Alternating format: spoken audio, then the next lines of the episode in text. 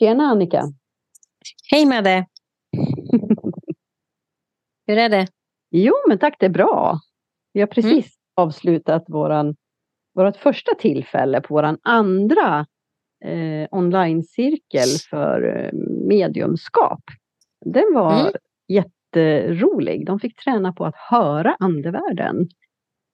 Mm. Eh, Spännande. Ja, det är ett sinne som de flesta önskar att kunna höra.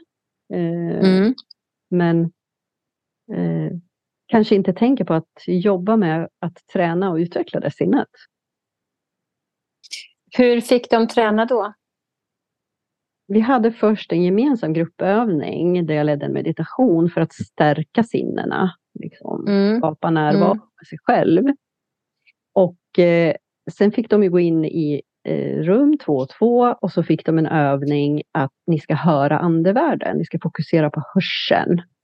Då jobbar mm. de ju två och två, bjuder in en kontakt eh, som då ska prata med dem genom hörseln.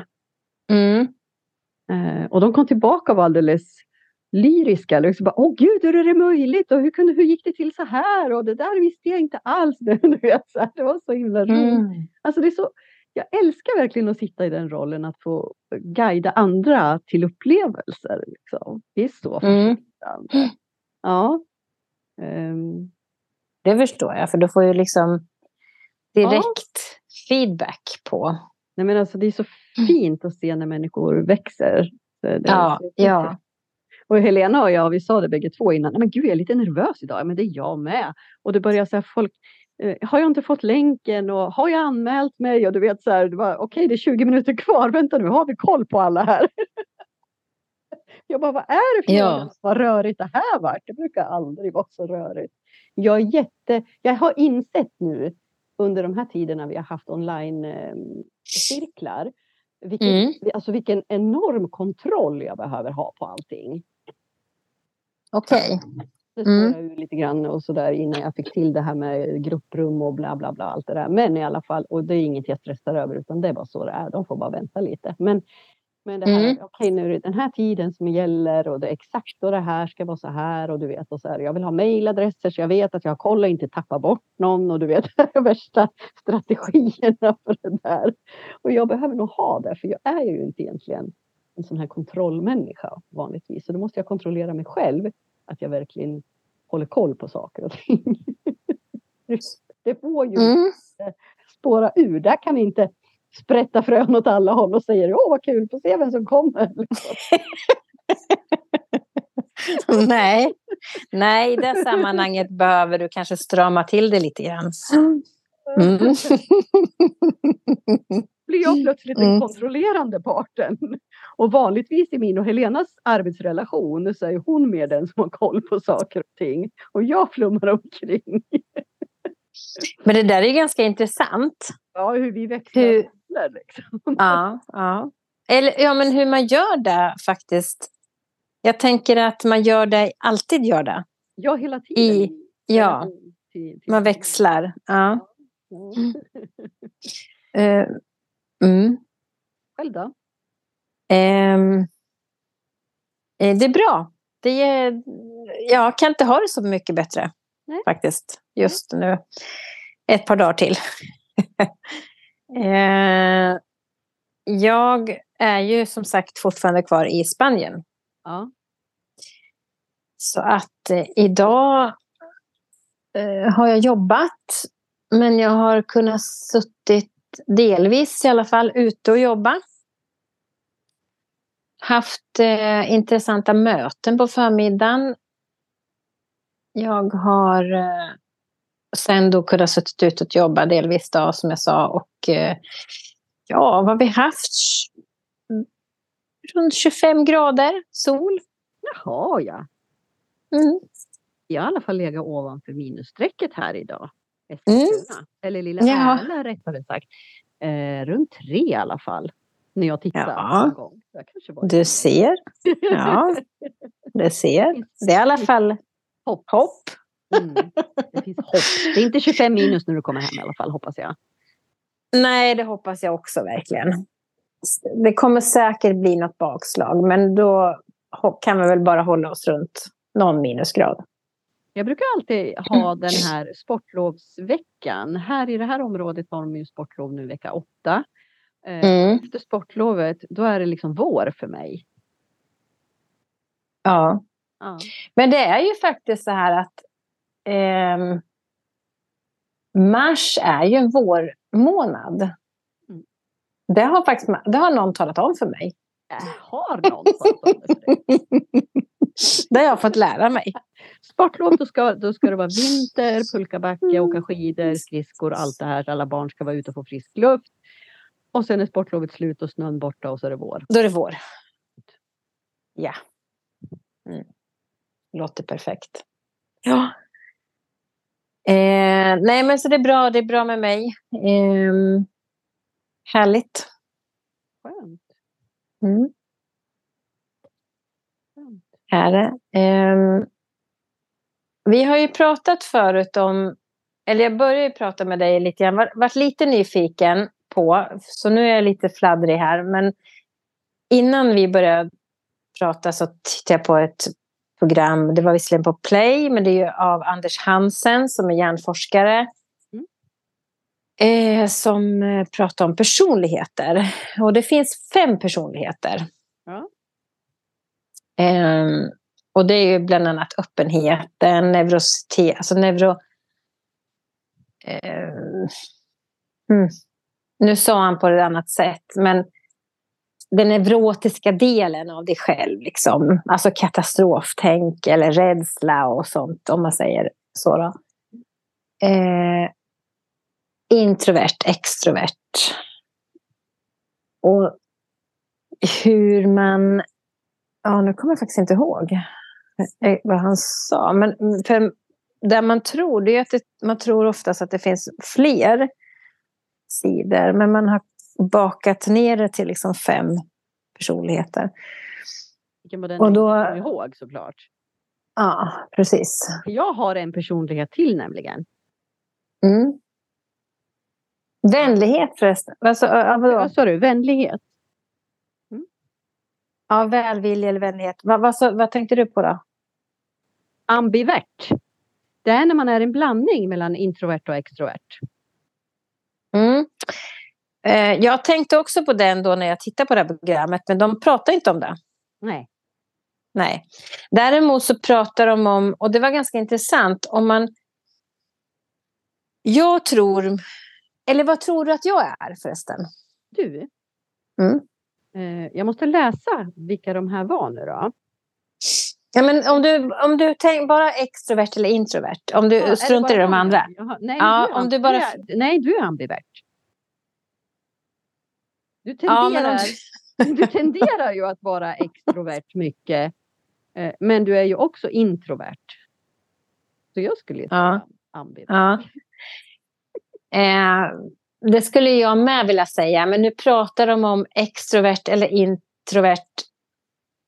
Sen kan du ha en eh, liksom, kan du skifta mellan dem kan du göra. Mm. Men man pratar inte om ambivert då. Men, men, men eh, vi kan hitta på det. Men då är ju det, alltså ambivert står ju för blandningen mellan introvert Ja, jag förstår. Att, mm. Och då är ju det den här blandningen som du pratar om, att man kan skifta, att man kan gå emellan dem då. Eh, ja, precis. Men eh, de pratar också om att man kan... Eh, alltså det har att göra också med tiden på dygnet. Eh, sammanhanget. Hur mycket, in, hur mycket du har fått liksom, stimulans eller stimuli utifrån. Mm. Mm. Och jag har väl liksom det, det, är ganska intressant för jag har väl tänkt mig åt mer det extroverta hållet för att jag liksom är social. Men det har ingenting med din sociala förmåga att göra. Nej. Eh, och, men jag har även tänkt, jag har nog tänkt mig som, som du, som du liksom, alltså liksom mittemellan. För att jag har sånt stort behov av att vara själv. Och dra mig tillbaka. Vara i mig själv. och allt det här. Men jag också utåt sett. Men det är ofta stunder. Mm. Sen, sen fixar jag inte mer. Mm. Men jag har ändå trott mig vara extrovert. Mm. Det har jag också gått genom livet och trott att jag är. Tills jag insåg att det var jag visste inte alls det. Men det är ganska intressant. Alltså, Ja, du ser, man kan lära sig något nytt om sig själv. Hela tiden. Men ja. de är fem i alla fall, det är en grund i var och en i varje människa. Men sen fladdrar vi ju lite mellan alla de här förstås. Precis ja. som med allting annat. Absolut. Och vi behöver inte gå in på dem, men det var ganska intressant att titta på det. Det finns på SVT Play i alla fall. Okay, Anders Hansen.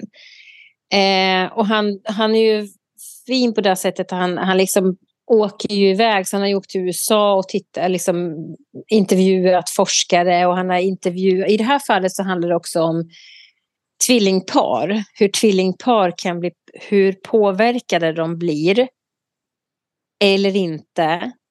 Eh, och om man inte växer upp i samma familj som ett enäggstvillingspar, kommer man då att bli olika bara för att man växer upp i olika familjer?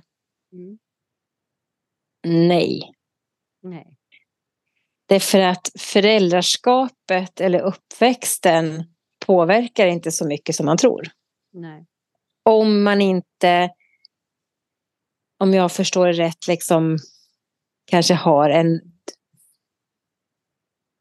tuffare uppväxt med trauman, kriser, en liksom destruktiv miljö. Mm. Eh, det påverkar förstås oss människor på ett annat sätt. Men om du, upp, om du växer upp i normal familj, mm. så om man nu vill säga så då, och vad nu normal är, men liksom en vanlig med alla möjliga fördelar och nackdelar. Eh, så är det faktiskt inte så att föräldraskapet påverkar dig särskilt mycket. Nej. Eller din personlighet. Mm. Så det var det liksom de ville forska på i alla fall, eller titta på. Och det... Jag tänker också det här att jag vet ju hur jag har upplevt mina graviditeter, att jag har vetat att det är olika personligheter som har bott i min mage. alltså, mm. Och så har ju det bekräftats mm. när de kommer ut. Liksom, att okej, okay, mm. jag förstod att, det var, att du hade den här lite personligheten. Mm. Um, och jag tror att mm. många mödrar, för det är ju vi då som bär barnen, kan faktiskt eh, relatera till det. Om man har fler än ett barn eller ett barn, alltså att man redan där, man behöver inte ha olikheterna utan man känner kanske med ett barn att ja, den här personligheten någonstans. Mm. Och egentligen, alltså nu som vuxen, om man är nyfiken på vem man är, egentligen mm. i grund och botten och, och liksom livet har hänt och man har kanske passerat någon ålder, liksom har det varit mycket liv och, och, så vidare. Och sen, men vänta, vem är jag egentligen? Alltså gå tillbaka till sin mamma om man har en möjlighet och intervjua henne om graviditeten. Men hur såg du mig eller hur kände du mig när jag låg i magen? Liksom? Mm. Eh, sådär. Det vore ganska spännande faktiskt. Mm. För där kan man ju komma i kontakt med essensen av sig själv innan man varit formad av livet. Mm. Om man har en sån öppenhet och dialog. Eh, om man kommer ihåg. Ja, men jag vet ju som häromdagen så frågade jag min dotter som väntar sitt andra barn, så mitt andra barnbarn då. Mm. Eh, och, och hon upplever ju den här lillen annorlunda. Ja än vad vår första lilla krebat som är ute i världen och springer runt mm. som en liten ängel. Men alltså, så, så det är klart att du gör det och det kommer jag också ihåg hur jag upplevde skillnaden. Ja. Men sen tror jag det är lätt att glömma bort det när man är i ja, i det turbulenta livet liksom. Eh, och sen tror jag att föräldrar på något sätt faktiskt tar på sig både bördan och äran till att vara centrum ja. för barnet. Och det kanske man är på ett sätt, därför att du är ju en person som ska skydda och nära och visa barnet som ska växa upp. Så det är klart att du är en viktig del. Men det är inte så att barnets personlighet kommer att påverkas av dig. Så mycket som du tror. Det är ganska spännande. Mm. Är det. Mm. Alltså för att jag känner ju hur jag drar iväg i det här. Eh, därför mm. vi vet ju att barn befinner sig ju Alltså den allra, allra första tiden vet inte jag riktigt exakt. Jag ska inte säga det för att då, då känner jag att jag famla lite. Men hur länge barnet befinner sig i ett hypnotiskt tillstånd. Det är som spädbarn den här allra första tiden. Och hur den då tar in sin omgivning på den nivån i, sin, i sitt varande, liksom, i sin existens. Och sen går barnet över i ett mer, ett, inte ett hypnotiskt tillstånd utan mer ett, ett meditativt tillstånd, alltså vi pratar hjärnvågor där, alltså mm. göra. Eh, för att också därifrån betrakta och ta sig an eh, världen därifrån den platsen.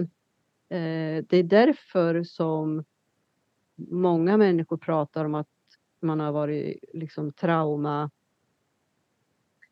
eller att man har så djupa eh,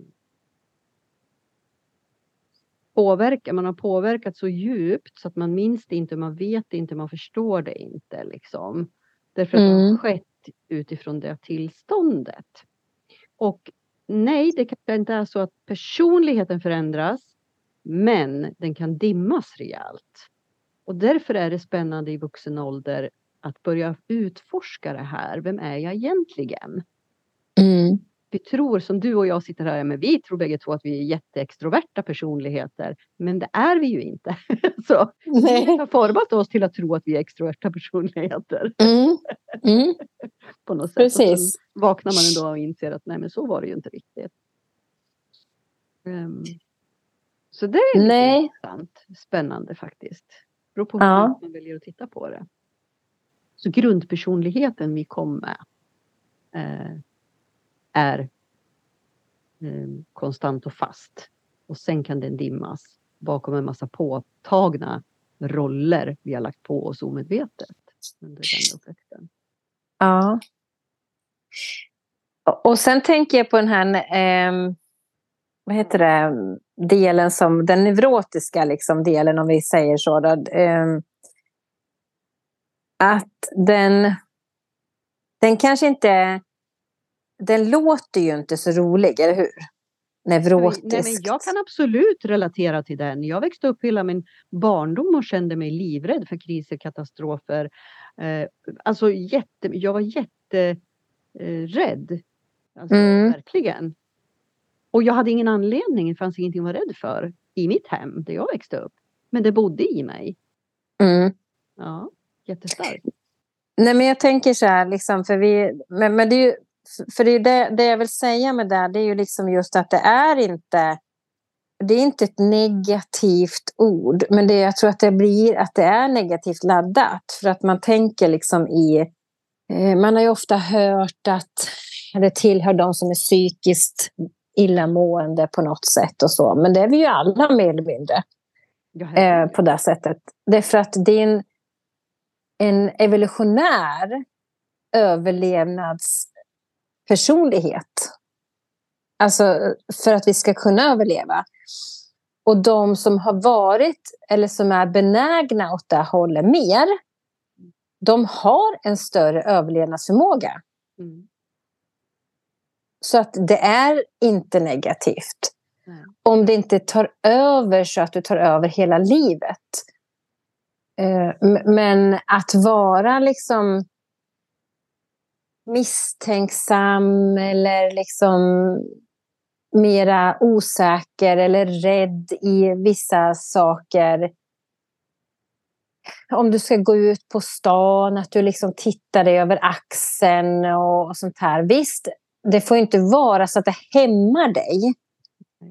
För då har det ju gått för långt. Då är det inte så bra. Eh, då mår man nog inte så bra i längden i alla fall. Eh, men om du gör det liksom då och då eller tänker till, om du kliver in på tunnelbanan i Stockholm och du brukar inte befinna dig där så är det självklart att det är väldigt smart att titta dig omkring. Vad är det som händer? Vad är det för folk? Eh, vara lite på tårna helt enkelt. Eh, och det är inte negativt. Nej, absolut inte. Mm. Nej, och likadant att ja, men det jag tycker är så intressant då, det är öppenhet fanns ju också med då, mm. som personlighet. Och jag är ju väldigt öppen. Det bekräftades ju också utifrån de kriterierna de pratade om på tv. Eh, vilket låter positivt. Mm. Men det är ju inte heller så positivt i alla, i alla bemärkelser. Därför att det kan liksom slå över och bli fel. Att du är för öppen, du bjuder in till för mycket eh, som skulle kunna bli liksom för påverkande för, på dig. Eh, så att det kan spela över i någon form. Så att ingenting är ju... Det som är intressant med sånt här det är att ingenting är varken negativt eller positivt om du lyssnar på orden, begreppen. Utan titta på vad står de för i så fall. Vad har de för betydelse?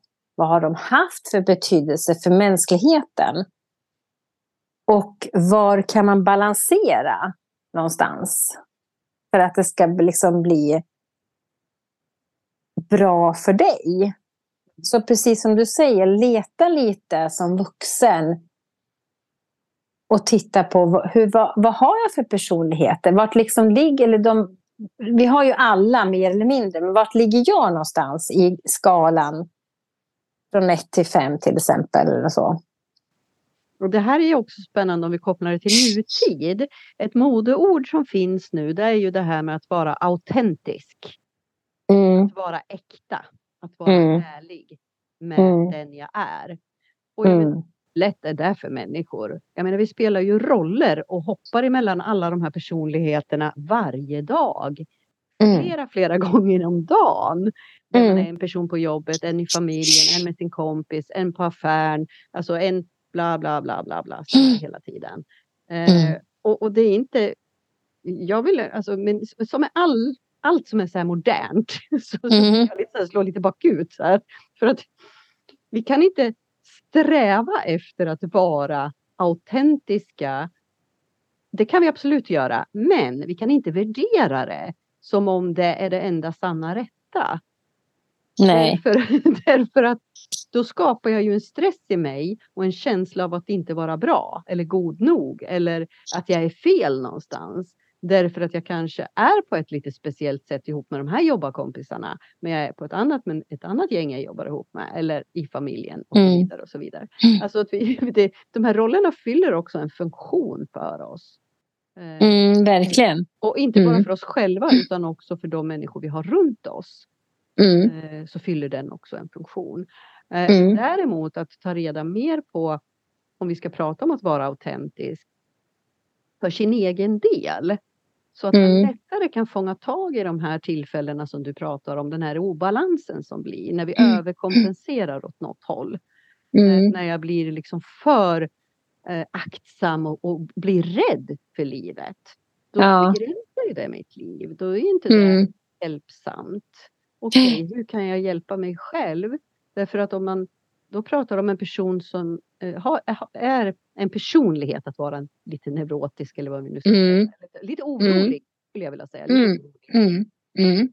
Eh, så är ju jag lite skörare då för stress eller eh, rädsla som kommer liksom på något sätt. Alltså jag är lite skörare i den delen i mig, i min personlighet.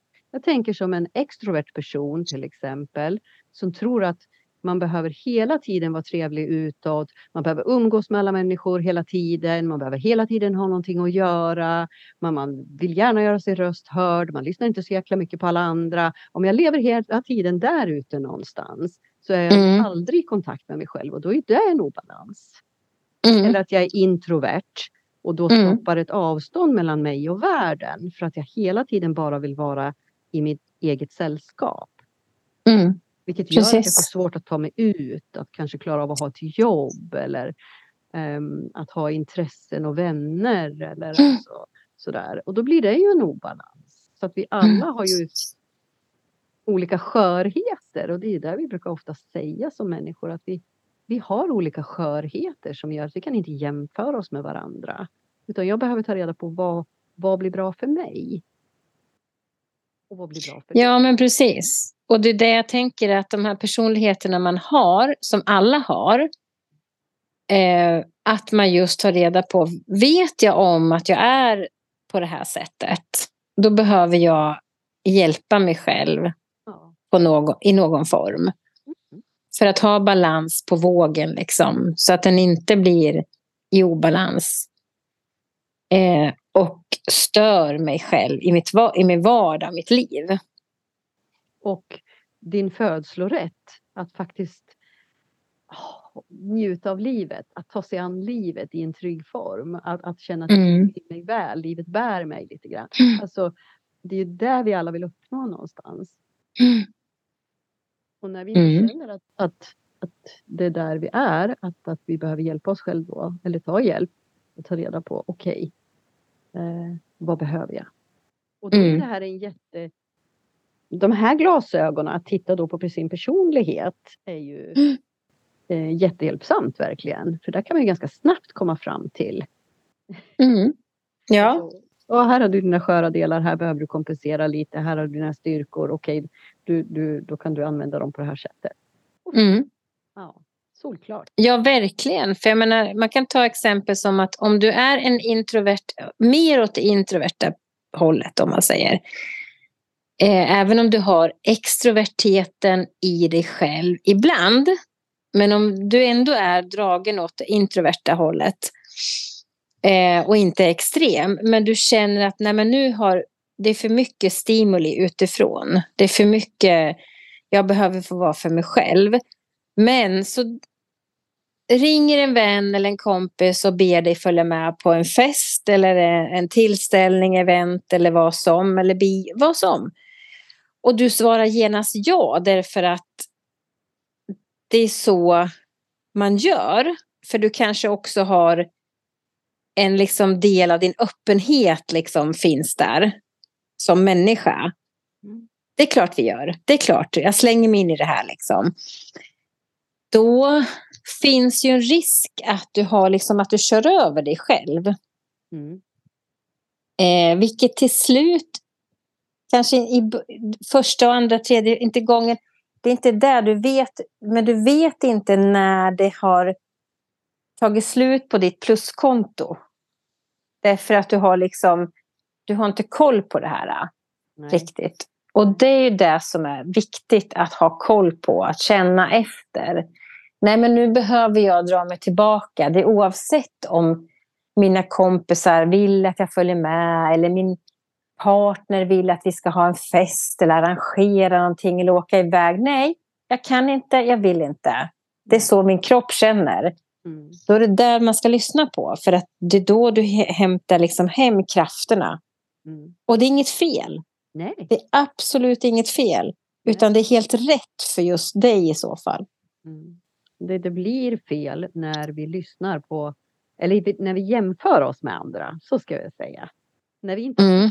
att vi är unika som var och en av oss. Mm.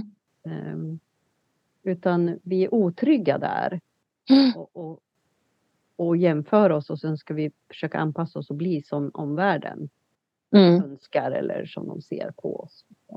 Ja, eller som vi tror att de ser på oss eller önskar också. För ibland tror jag vi har våra egna spöken i, i huvudet. Liksom att vi tror att min partner vill det här eller ser på mig på det här sättet. Eller mina arbetskamrater ser på mig på det här sättet. Men det behöver inte alls vara så heller. Nej, nej absolut inte. Vi bara hittar på Men. Ja, vi, ja, ibland så gör vi ju det. Ibland så hittar vi på massa tok. som, som inte alls stämmer sen. Mm. Ja, men det är ganska intressant faktiskt det där. Um. Mm. Ja. Personligheter har vi pratat om. Men du, en annan sak. Mm. Vi har funderat några gånger på att vi skulle ta upp... Vi var in, det var ju något avsnitt för länge, länge sedan vi pratade om eh, begrepp var vi slängde ur oss. Och vad, hur, hur ser du på det? Hur känns det? Vad står det för? Och så här. Ord och sånt. Och, ja, precis. Vad ordens betydelse. Men sen har vi också varit inne på, men vi har inte kommit dit än.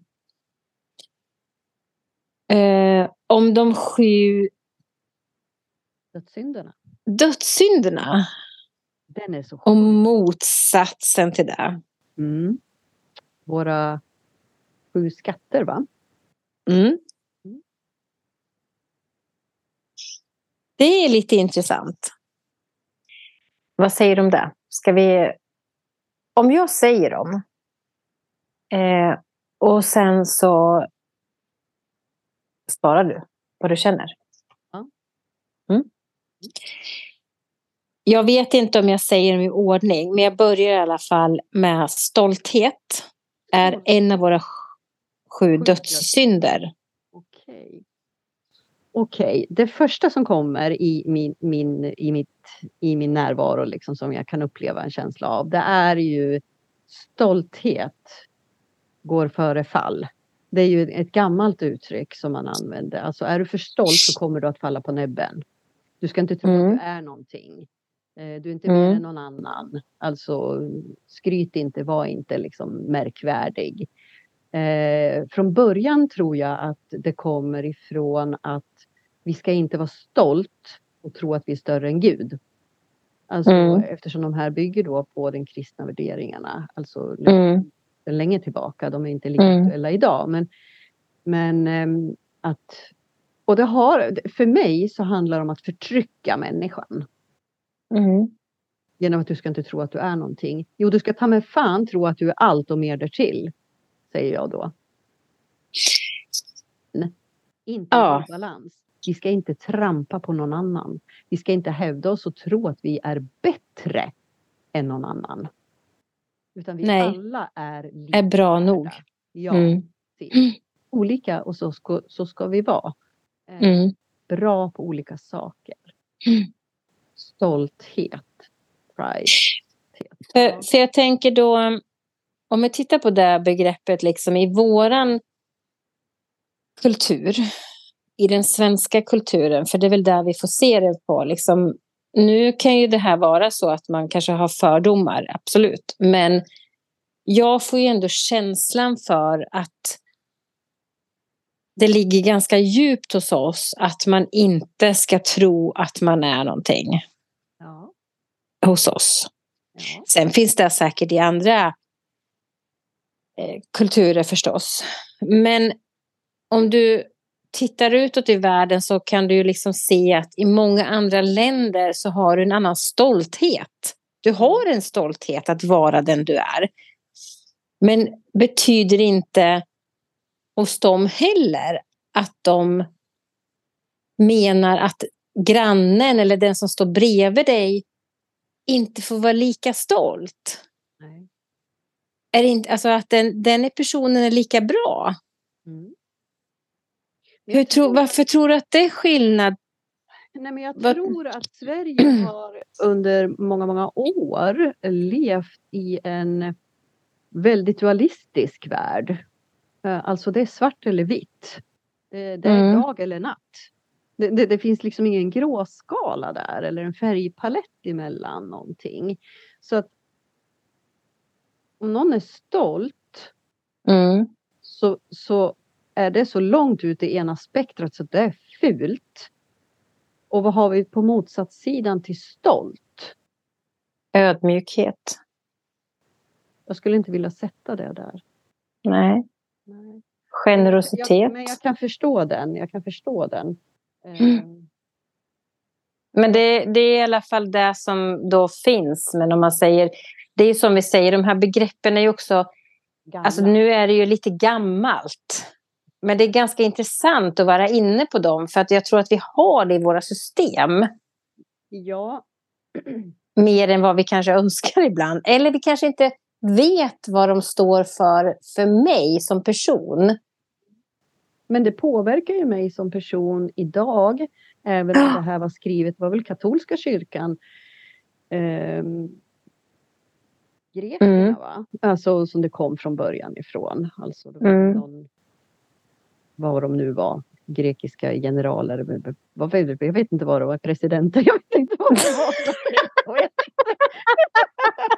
alltså, President, ja absolut. så kom, kom, ju inte det ifrån, eller var det någon biskop eller var, var kom det ifrån någonstans? Ja, strunt i samma. Eh. Ja, inte presidenter i alla fall, men katolska biskopar, ja. Eh, absolut. Men, men det, har ju, det har ju påverkat hela kristendomen. Alltså det är ju, alltså den är ju också så uppdelad i, stor, i, i flera delar. Så det, men det, det kommer ju från den, om man säger så här, det kommer från den religiösa grunden. Ja, som vår kultur bygger på. Absolut, men sen tror jag alltså, ja romarna eh, hade det här och sen eh, om man går lite längre fram i historien så var det inte Freud som studerade de här olika dödssynderna jo, jo. in i dem och mm. så har det ju med våra mänskliga beteenden att göra när de är i obalans. Ja, den psykologiska liksom delen ja, är ju man, väldigt kan, involverad. Att man kan mm. liksom, eh, koppla ihop det här. Eh, mm. Det är ganska intressant att, att, se. Ja, ja, och det är väl där vi liksom är intresserade av. Ja. Tänker jag, i alla fall jag. Men det, det är ganska intressant också att se vad begreppen i sig signalerar. Um, och om det liksom alltid har med att, för bara säg så här, de sju dödssynderna. Mm. Bara det. Nej men det gör ju liksom... sjunker ihop och jag bara dör. Ja precis. Alltså, du har ju liksom... Någon som ser mig och när jag, när jag tänker en ful tanke så här, nu kommer jag aldrig till himlen. Nu ska jag dö. Ja, exakt. Ja. Och så det, pratar du... Det är inte hoppfullt det där är. Det är inte hoppfullt. Det är inte kärlek. Nej, om vi ska då snabbt nämna de här, vi ska gå in på dem lite, men vi, vi nämner dem lite nu då. Det är stolthet, girighet, lust, ilska, frosseri, avundsjuka, lättja. Och så tittar vi på sju skatterna. Ödmjukhet, generositet, kyskhet, tålamod, måttfullhet, välgörenhet, flit. Men ingenting av det här är ju varken det är samma sak det vi pratade om nyss egentligen. Om ja. du har en vågskål ja. och den ena får ta över mer än den andra så är inte det bra. Nej. Oavsett om det är det positiva eller det negativa. Ja. Sant. Mm. De här är ju som, ja, som två ytterligheter på den här balansskålen. Mm. Eh, och det är ju våra mänskliga beteenden mm. som ryms i det här. Det är mm. sådana vi är som människor. Mm. Det är mm. väl ingenting som är fult. Jag tror inte att när Gud skapade människan att han gjorde ett misstag. Liksom. Jag tror verkligen inte det. Nej, det är vi själva som skapar de misstagen. Ja, och våra värderingar och vår syn på vad som är rätt eller fel. Det är ju snarare mm. intressant på var kommer det ifrån? Våra värderingar. Mm. Något är fult eller fint. Rätt mm. eller fel. Nu är vi där igen, svart eller vitt. Var är gråskalan mm. någonstans? Liksom? Mm. Mm, ja men exakt. Mm. Sverige är ett väldigt dualistiskt alltså samhälle. Mm. Det, det, är väldigt tydligt. Mm. Mm. Ja, det, det är också, jag tänker så här, alltså det, det är ju förenkla, men om vi bara tittar på vi bara tittar på det amerikanska folket eller am, svenska folket. Det är ganska så enkelt för det blir så himla påtagligt hur, hur man, när man symboliserar amerikanska folket eller svenska folket. Tycker jag i alla fall. Eh, att där är det liksom både vi och jag Ja. Det är för att jag kan, jag kan bli rik, men det kan också du bli. Mm. Alltså kan vi bli rika. Ja. Och vi tillsammans kommer att vinna den här uh, fotbollen, höll jag på att säga, men amerikansk fotboll. Eller vi, vi kommer att fixa det här. Ja. Men jag kan också. Mm. Och då kan också du. Ja. Den delen liksom tycker jag finns så tydligt där. Eh, hos oss är det liksom att på något sätt som att jag ska, men jag får inte. Mm. Eh, du ska, men du... Ja, du ska. Mm. Eh, men vi... Ja, jag vet inte. Beror på. Ja. Alltså den, den, den känslan får jag om man liksom nu tittar på, eh, på ett lätt sätt. Ja, ja vi mm. förenklar det väldigt. Mm, väldigt. Mm. Och generaliserar. Men i alla fall. Mm. Eh, men det är den känslan jag får. Att liksom det är inte... Och jag tror att det är... Det kan nog vara det här att vi har... Det är liksom vitt, som du säger, att det är liksom ytterligheterna på något sätt. Mm. Som styr oss. Och, och jag, jag, det slår mig också nu när du pratar om just det här amerikanska. Jag kan bli rik eller jag kan. Och det kan du också. Och det kan vi tillsammans. Mm. I Sverige, vi har pratat om det här förut, alltså när vi växte upp så var det ett enda stort vi. Alltså Sverige var ett enda stort kooperativ om man säger. Ja. Rörelsen var stark. Alltså mm. Coop, alltså Konsum, du var delägare i Konsum, alltså förstår du, hela gatan. Mm. Mm. Alla vuxnas barn, alltså alla tog ansvar för varandra och allt och vi hade ett socialt skyddsnät som skyddade människor som var utsatta situationer och svag, alltså levde och mm. behövde lite hjälp och så vidare. Det mm. fanns. Och sen mm. hände någonting ganska fort, för jag menar vi är ju 50 plus och jag menar det här minns vi när vi växte upp. Så att det pågick mm. inte bara vårt första år utan det pågick ju under vår uppväxt också. Någonting hände från att gå från ett vi till ett jag. Mm. Och det gick extremt fort. Mm. Så att vi har gått från en ytterlighet till en annan ytterlighet och nu är vi på väg in i någonting som börjar lira lite däremellan och, och mm. ser vi så tydligt i människor just nu hur förvirrade och vilsna många känner sig. Eh, mm.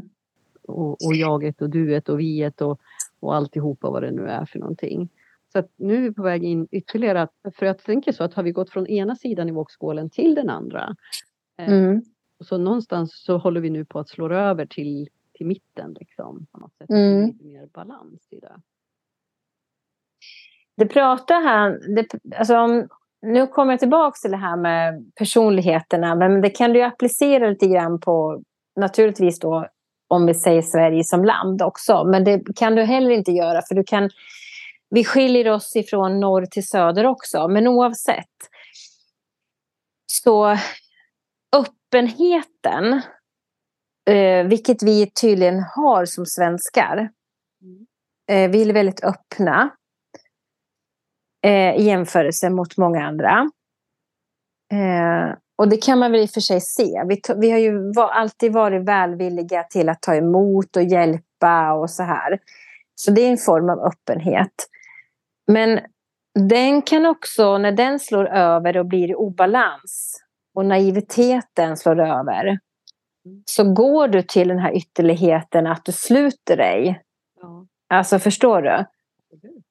Och jag tror att det är det som kanske har skett, att vi har haft det så öppet och fritt och bra. Någonting på vägen händer och vi sluter oss. Mm. Och för att sen då liksom som mycket annat i, i det naturliga liksom livet att det händer något nytt igen så att man är på väg till något annat nytt. Ja. Så är det där vi är. Eh, för om man är upp, väldigt öppen så är man liberalistisk. Alltså, eh, om man är väldigt sluten så är man eh, konservativ. Eh, och det kan man ju titta då på politiskt också, liksom hur, hur vårt samhälle har... Det har ju varit väldigt öppet. Mm. Men börjar ju, eller har varit sen, gått över till det slutna. Mm. Ja, jag, jag, vet att jag gjorde för ett år sedan, ett och ett halvt år sedan, nu, eller jag vet inte, snart två år sedan så gjorde jag en inspelning och la den på Youtube. Och jag pratade om det här med utveckling. Alltså jag började, mm. sen så spårade det iväg till någonting annat. Men då, då vet jag att jag pratade om det här med att när jag själv som människa går igenom utveckling, alltså mm. utvecklas ut, eh, så föregås ju det av en inåtrörelse, en analys av mig själv innan mm. jag kan veckla ut.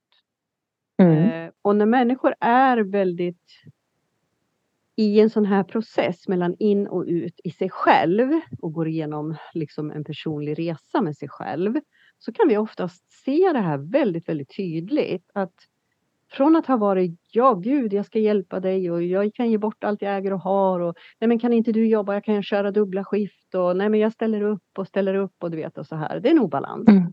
att inte mm. ha gränssättningar. Eh, och det kan finnas tusen olika orsaker till det, vi går inte in på det. Men i alla fall, till att plötsligt börja sin resa med sig själv. Och sen så plötsligt blir, blir man nej-sägare. Nej, jag tänker inte ställa upp. Det där mm. får ni sköta själv.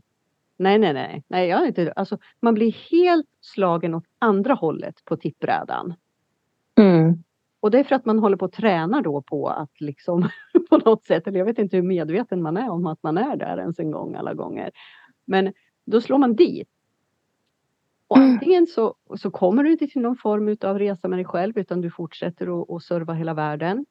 Eller mm. så slår du över och så fastnar du i den istället och inte tillåter dig själv att fortsätta den här resan med dig själv in och ut det här, in och ut. Mm. Utan du fastnar där. Mm. Eller så börjar du tillåta dig själv att utvecklas, att, att, att, att, vara lite nyfiken och så börjar du plötsligt resa och så plötsligt så står då tippbrädan rak. Alltså vi har en balans mellan att jag medvetet säger nej eller ja. Mm en neutral plats i mig där jag inte mm. värderar och det inte går in känslomässigt och jag känner mig förrådd eller utnyttjad eller jag ska minsann visa dig att jag ska fan inte ställa upp på det här. Alltså, utan det är lite mer mjukt och trevligt liksom. På något sätt. Det är jätteintressant att se i människor när det här pågår faktiskt. Man bara, oh ja du är där, nej men då pratar vi inte om det, nej.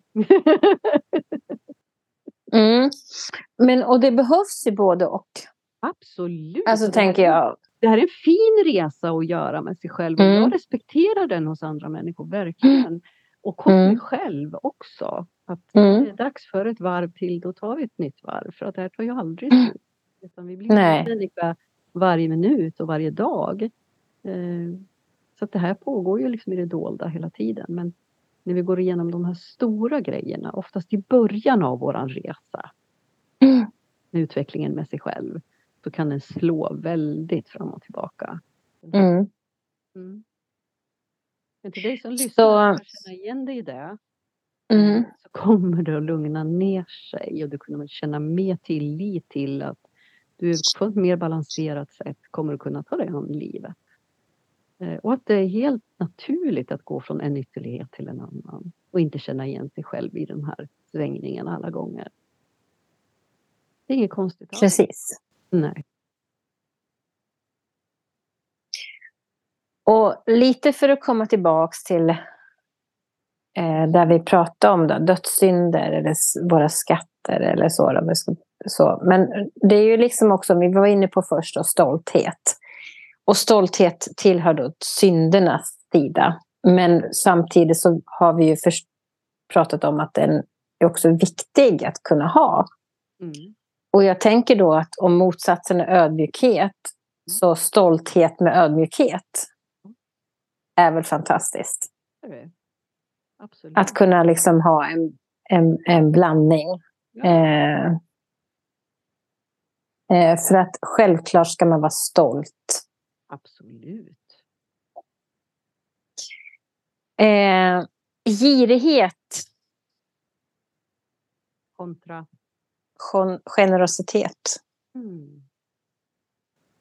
Om jag tänker, nu tänker jag tanken girighet som, alltså, som en synd utifrån kyrkans perspektiv så har det ju att göra med maktkontroll återigen. Du ska ge ditt mm. tionde liksom. Du, ska, du får inte vara girig utan du ska ge, alltså hela tiden. Kyrkan, jag menar hur mycket guld köpte de inte? Hur stora kyrkor byggde man inte? Och det här gjorde man ju med hjälp av fattiga människors, liksom, till stor del. Alltså inte bara, men till stor del. Så att det är mm. en egenvinning i det här för kyrkans del. Mm.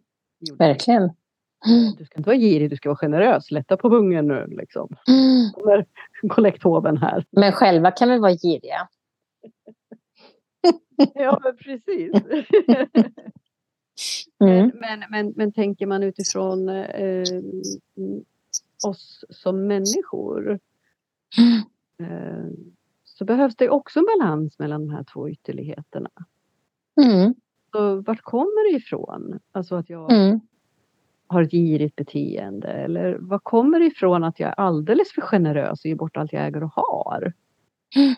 Balansen här emellan behöver ju också finnas. Så mm. inte att det finns båda sidor, både en alltså synder och skatter. Liksom. Balansen däremellan. Mm. Mm. Ja, och jag tänker att liksom om man tittar på eh, eh,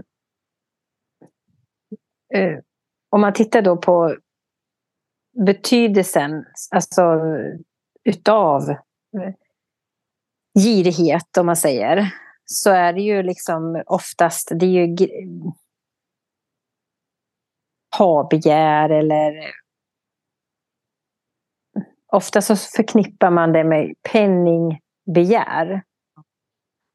Eh, och roffande, snålhet och knusslighet och så här. Men jag tänker om man tittar på då, snålhet är ett synonym till exempel. Och då blir det lite mildare för mig. För att snålhet kan också betyda andra saker. Om du, om du, om du tittar utifrån det svenska, alltså ditt perspektiv ifrån ditt håll. Eh, så är det ju en betydelse. Men snålhet i annan kultur kan betyda att du um, kanske håller någonting annat, alltså att du bevarar någonting. Jag tänker att det kan vara ett sätt att överleva. Ja. Snåla på vattnet, det räcker mm. inte för hela byn. Alltså, Nej, precis. Ja, och det spelar ingen roll hur generös jag är och vill ge alla andra därför att det finns bara den här mängden. Mm. Snåla med den för att den ska mm. alla eh, så länge det går. Mm. Och det är det jag menar med bevarandet, liksom, att man, man tar in det i ett större perspektiv. Så behövs det. Ja. Därför att vi kan inte slösa på Nej. resurser vi har hela tiden. Nej. För vi vet inte hur länge vi har resurserna eh, så skulle det liksom generositeten som är absolut ett mer positivt värdeord så skulle väl liksom det kunna vara att du kan vara generös och bjuda på och slösa på och allting. Men det kommer inte heller hålla. Nej. Och då blir det inte så bra. Nej. Mm. Men girigheten, alltså det här är någonting som är jättespännande när man reser mm. världen och möter mm. människor som inget har. Mm. Rätt till sitt eget liv. Mm. Så sätter man sig ner och så har man ett samtal. Och man liksom umgås och, och dricker te tillsammans och lite så här. Så mm. finns inte den aspekten i dem överhuvudtaget. Alltså jag har aldrig mött på det. Nu har inte jag rest över hela världen men jag har ju haft en hel del möten med människor som har levt så i andra länder. Och det finns inte en girighet där. Och då tänker jag så här, är den kopplad till att du har någonting och du vill ha mer och du är rädd för att bli av med det du har. Mm. Det tror jag. Och därför så existerar inte den på samma sätt hos människor som egentligen ingenting har, för de har ingenting att vara rädd att bli av med. Nej. Det är för dagen liksom. Och mm. tacksamma för det de har. Och så vidare. Mm. Och, och, generösa med, med, med det de kan. Mm. Utan att det liksom Precis. Här på deras resurser om man säger. I en Mm. annan typ av balans. Men visst är det så, det tror jag. För att liksom, det är kopplat till ha-begäret. Mm. Förstås. Ehm, och, mm. Men det är intressant att se hur man kan se det. Alltså, Mm. Mm. Nyansera det Eh. lite och inte vara Mm. så polariserad som vi är i det här. mm, mm. Svart eller vit. Sen har vi lust. Mm. Och i motsats då kyskhet. Och då är lust, det här är lite intressant. Så jag undrar hur många skulle tycka att lust skulle stå på syndernas sida om du tittar utifrån dagens perspektiv. Ja. Medan kyskhet sk- står på skatternas sida. ja, just det. Eh, men vad vet jag? Det kanske är... Men det är i alla fall det som är. Ja, men alltså lust ur dagens Mm. perspektiv känner jag precis som så här. Jag Mm. menar, eh, det kan användas som ett maktmedel också.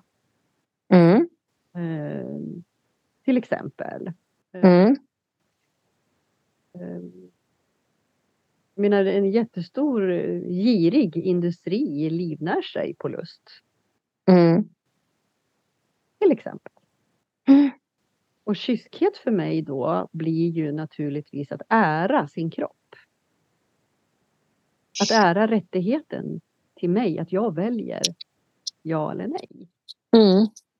Eh, Ja, det är ju en ärbarhet. Alltså det är ju det är väl ett synonymt ord, eller, alltså så till.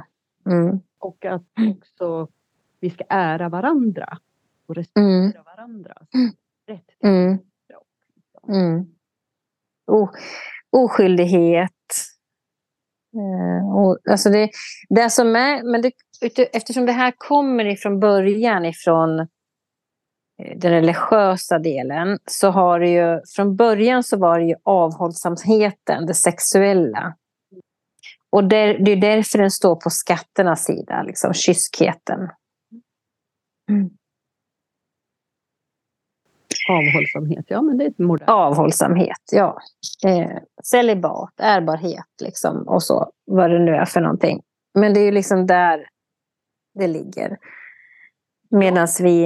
kan ju Mm, mycket mer se det att när det formades då, att man använde det då, så var det ju ett sätt att förtrycka kvinnan helt enkelt. Och för kvinnan, alltså förtrycka kvinnans eh, kraft egentligen. mm, mm, Att belägga kvinnan med skuld hela tiden på något sätt. Ja. Ja. Ja, men har man inte alltid format så lite grann?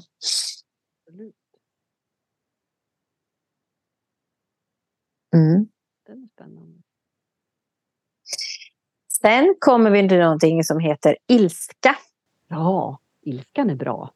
ja. Det är en rå kraft. Den står på syndernas sida och tålamod står på den andra sidan. Klart balansen naturligtvis där igen emellan. Mm. Mm.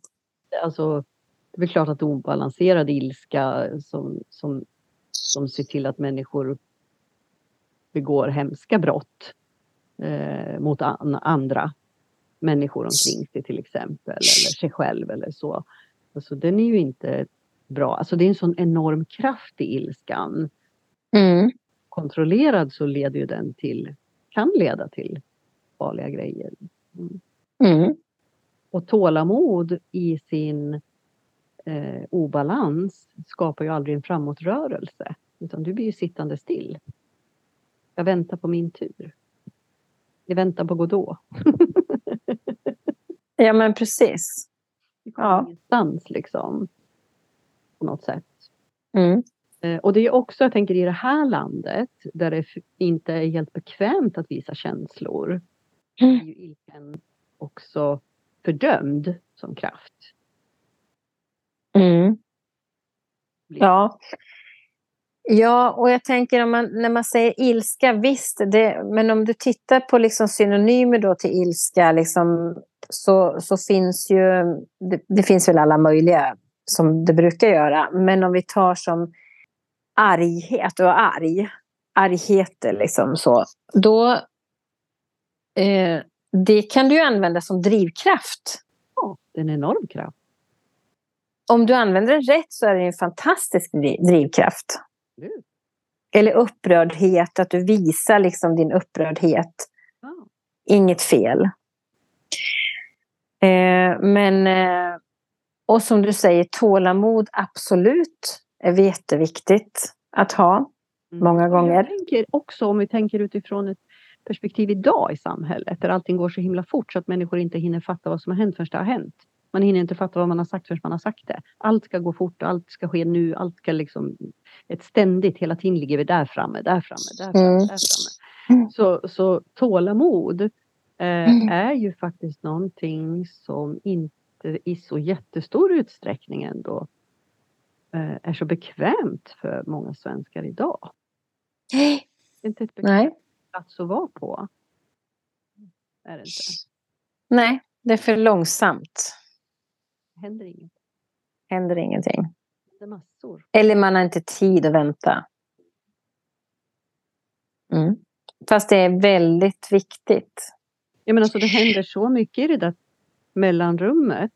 Mm. När du stannar i tålamodet. Mm. händer det hur mycket som helst. Och jag tänker också att det är ehm, många situationer i många sammanhang som vi behöver använda oss av det. Eh, för att det liksom är viktigt i en utveckling. Som till exempel i barns utveckling. Eller i situationer där vi har eh, överstimulerade hjärnor. Alltså vi möter människor som har en överstimulerad hjärna i någon form. Det kan vara i sjukdom eller det kan vara i stress eller det kan vara i någonting. Så behöver du ju ha tålamodet. Och det som för, att... för mig direkt är ju äldre människor. Ja, det också. Dementa människor. Ja, alltså mm. människor som arbetar och, och Alltså vi båda har ju erfarenhet av att jobba inom vården och så vidare. Så jag menar, jag har ju stor, eller inte stor, men jag har ju en erfarenhet av att jobba mycket med gamla människor, vilket är fantastiskt.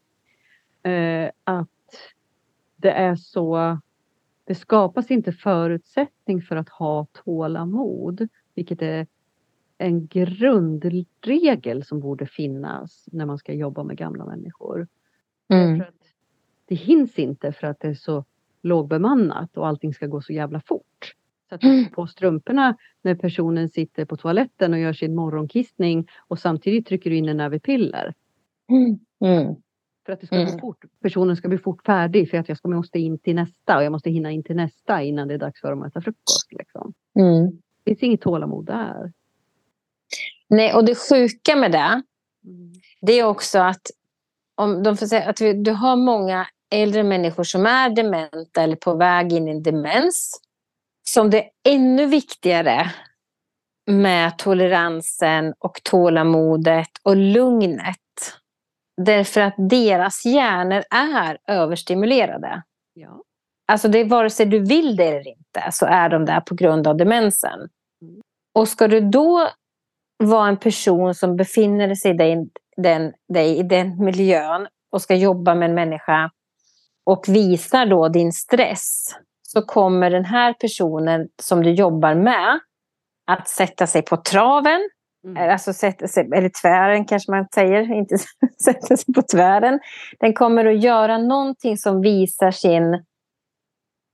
Eh, alltså det kan vara ilska, det kan vara att man, eh, liksom, man kanske slåss eller slår till bara för att man, är man blir stressad. Eller, du förstår vilket ont ekorrhjul du har hamnat i. För att då kommer den personalen kanske svara upp eller bli ännu mer liksom arg eller visa sitt, sin otålighet. Och, ja, då är det igång.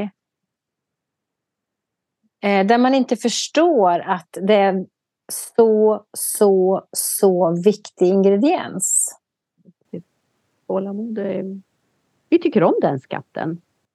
Ja, den tycker vi om. Den behöver jag träna på. Inte i sammanhanget med gamla. Nej, Utan jag behöver träna på tålamodet i andra sammanhang. det är som min chef, min chef skulle nog säga att du har utvecklingspotential där. Mm. ja, sen har vi eh, frosseri. Och på andra sidan så har vi måttfullhet. Alltså det känns som att lägga locket på på något sätt. Jag känner det som att man lägger locket på i de här eh, eh synden och skatten. Mm. Man vill på något sätt lägga locket på. Um, och, och, då är vi det här mellanmjölkslandet igen, tänker jag. Mm. Parallellen där, att vi är lagom. Lagom. På något sätt. Ja, måttfullhet är ju, kan man väl säga, där är du ganska så inne på, på, ja, kan man väl säga att det skulle kunna vara. Men frosseri, ja, det är ju mera... När jag ligger på soffan under filten och trycker en påse ostbågar, jag frossar då. Ja, precis. För det är ju liksom mer ett överdåd eller liksom... vad ska man säga? Slöseri. Ja, men alltså glupsk. Alltså, ja, då är det glupsk kanske. Ja, ja. att man frossar. Ja. Eh,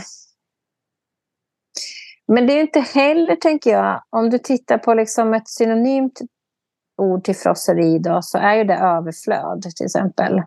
Just det, och det, som jag sa. Det är någonting fult om vi tänker nu utifrån vart, vart de här kommer ifrån, alltså kyrkliga perspektivet där. Att ja. ingen skulle ha något. Alltså du ska hela tiden leva efter att sträva mm. efter att, att överleva någonstans. Liksom. Ja. Där. Du får inte visa din liksom omättlighet på begär eller ha, ditt ha-begär. Liksom och så. Det får inte vara något överdåd utan det ska vara liksom lika. Ska alla lida lite. Sen, ja, ja, precis. Mm. Men om du tittar från våran syn i dagens perspektiv så är ju liksom också orden, alltså synonymorden har ju mer en positiv, kanske inte alltid, men en pos mer positiv klang som överdåd eller överflöd. Det är ju ändå, du kan ha ett överflöd av mm. kärlek. Mm. Vänsk, alltså liksom generositet. Du kan ha ett överflöd av någonting som är positivt. För det här ligger väldigt mycket till grund egentligen för mänskligheten och sin syn på sin ekonomiska tillgång. Att du ska inte ha mer än vad någon annan har för det är fult. Du ska leva måttfullt. Mm. Inte visa att du är rik eller att du är lyckad, att du tjänar pengar för det är fult. Mm. Det är mm. jättemånga människor som sitter fast i det ekorrhjulet. Mm. Um, omedvetet. Mm.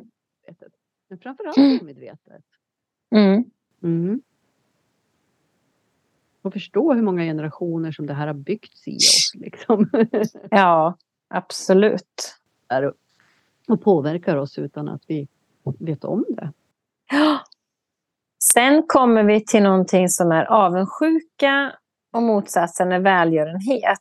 Och där kan väl jag känna att ingenting av dem egentligen gör mig så särskilt upprörd.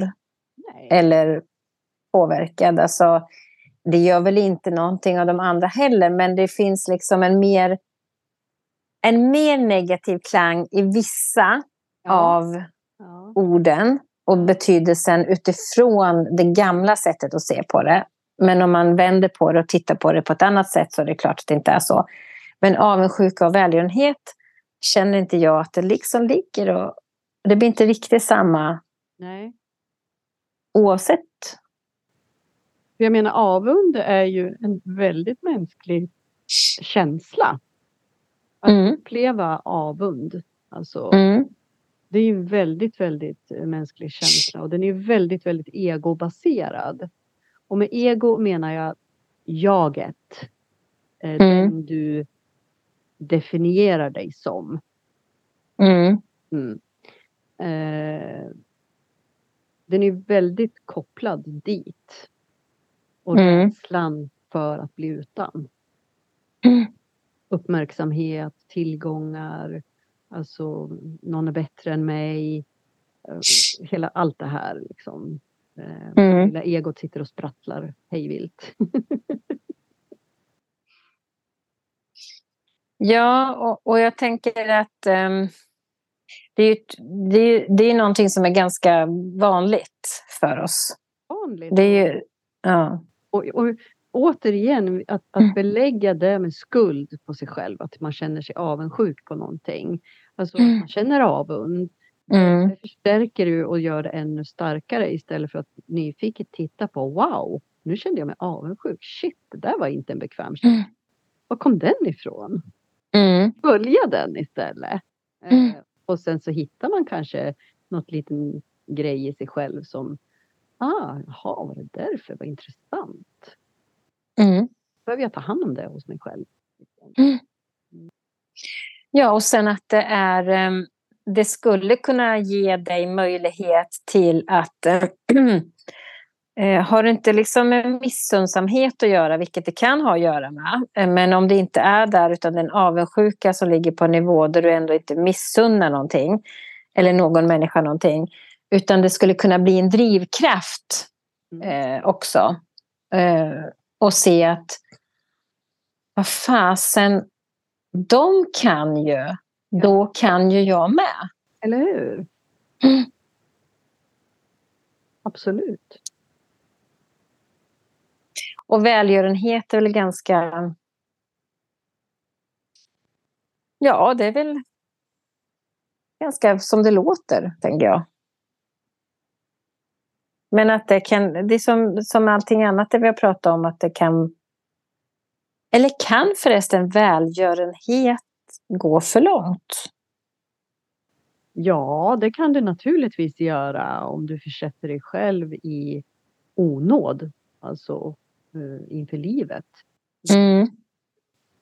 Du känner att du hela tiden måste ge för att duga. Till exempel om vi drar oss dit.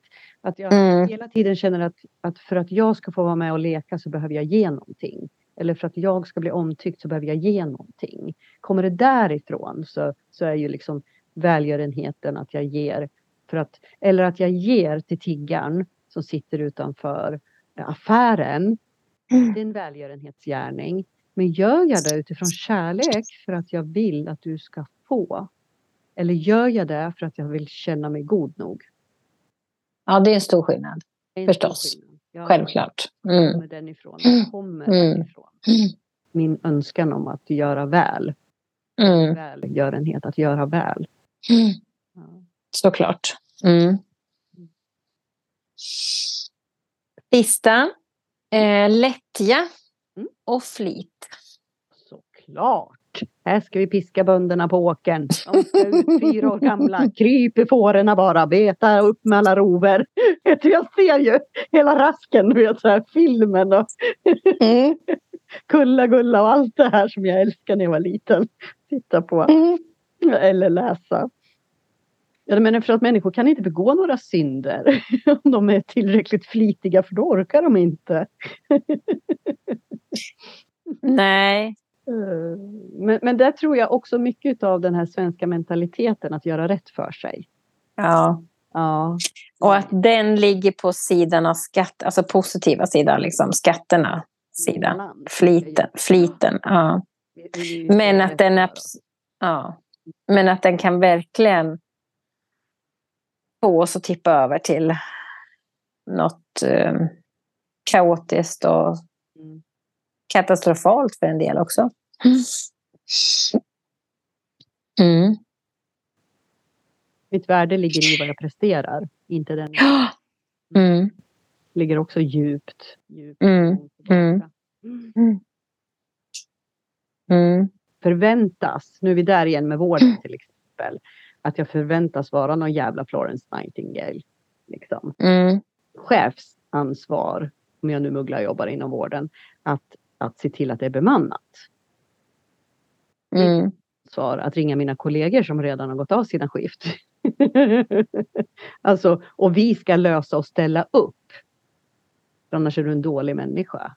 Att man spelar väldigt mycket på det här. Alltså snacka om att vården går runt på så mycket gratistimmar. Och människor som jobbar alldeles för många timmar. Mm. För att man utnyttjar den här sidan hos människor. Mm. Att känna att man ska göra rätt för sig någonstans. Ja, men jag tänker att det är nog inte bara vården. Nej, det absolut. Men det är det jag relaterar till här. Ja. ja. Eh, och sen är det ju att det är ju också generaliserat liksom, naturligtvis för att det finns ju... Ja, ja, ja. ja. Men, men det jag tänker att det kanske är inom... Skulle man kunna tro sig att det är inom det statliga, regionala, kommunala?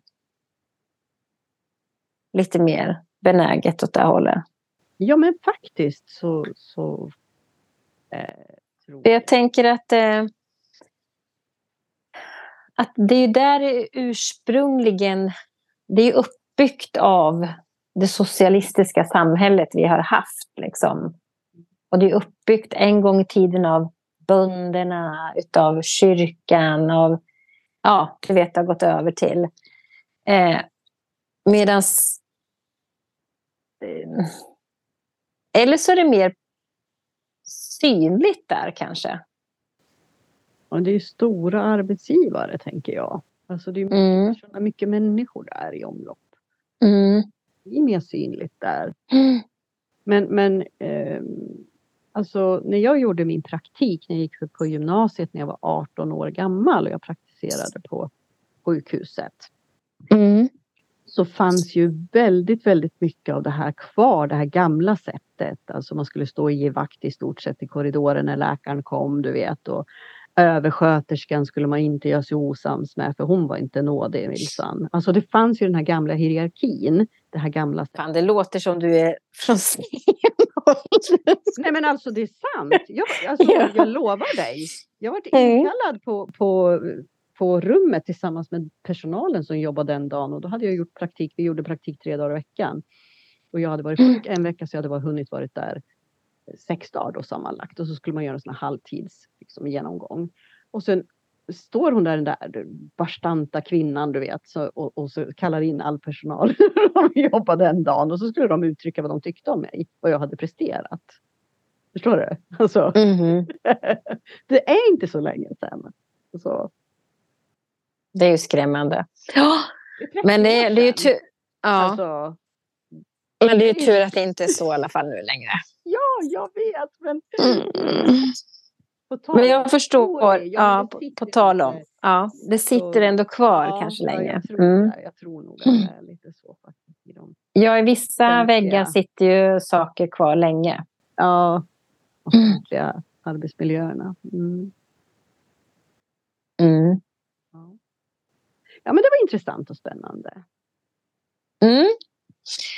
Nu har vi tagit de här synderna och det vi kan liksom egentligen konstatera är väl att det är också tråkigt på ett sätt att det liksom kanske klassas just som synder och det andra som ja. skatter. Då. Eh, för att det påverkar ju också när, när bara att man säger det mm, så påverkar det negativt. Om vi då väljer att inte värdera det här om mm. jag väljer att plocka hem mitt känslosystem och inte känslomässigt gå igång på att ha ett åsikt om att det är bra eller dåligt. Mm. Så är det ju en fantastisk tillgång att ha i sin verktygslåda. Att, att liksom stämma av sig själv lite nu och då. Uh, i, i vart ligger jag någonstans? Har jag en obalans åt det, ytterlig, åt det ena eller andra hållet? Eller är jag någonstans där i mitten? Eller känner jag att jag behöver vara på den ena sidan under en period just nu eller just i den här frågan. Eller, och inte värdera utan Nej. konstatera mer. För att när vi går in med känslan och lägger en värdering i någonting, det är då vi ger bort kraften. Ja. Ja.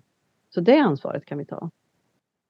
Precis, och det vi kan liksom med det här också konstatera, konstatera det är ju att alla de här begreppen som står på varken, vare sig det står på den ena sidan eller andra sidan, är någonting vi har. Ja, i oss. Eh, och vi växlar, mm. det pendlar och det påverkar.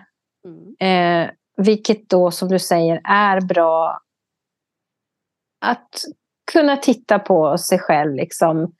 Vad är det nu som bubblar mest i mig? Eller vad är det som... Vart har jag liksom landat i? Vad behöver jag? Vad kan jag gå vidare med? Eller vad kan jag liksom... Om jag behöver ta mig ur någonting, vad behöver jag då för att kunna ta mig ur det här? För att det här påverkar mig för negativt. Liksom. Och all, någonting av det här har vi hamnat i. Ja. Spännande. Det är spännande att vara människa varje dag. Mm. Mm. Ibland är det lite överspännande. ja, faktiskt. Ibland kan det få vara lite lugnare. Vi kommer dit. Inte just nu, men vi kommer dit. Nej, och det som är intressant med när man säger det, det är ju att samtidigt så kan ju inte jag ha det... Eh, jag har ju kommit på att jag kan ju inte ha det lugnt heller. Alltså jag måste på något sätt ha en rörelse, ständig rörelse. Ja. För har jag stiltje, då kryper det i mig. Då måste jag liksom sätta, då sätter jag igång någonting. Mm. Och jag, alltså det är komplicerat att vara människa. Men det är spännande. Eller hur? Erkänn.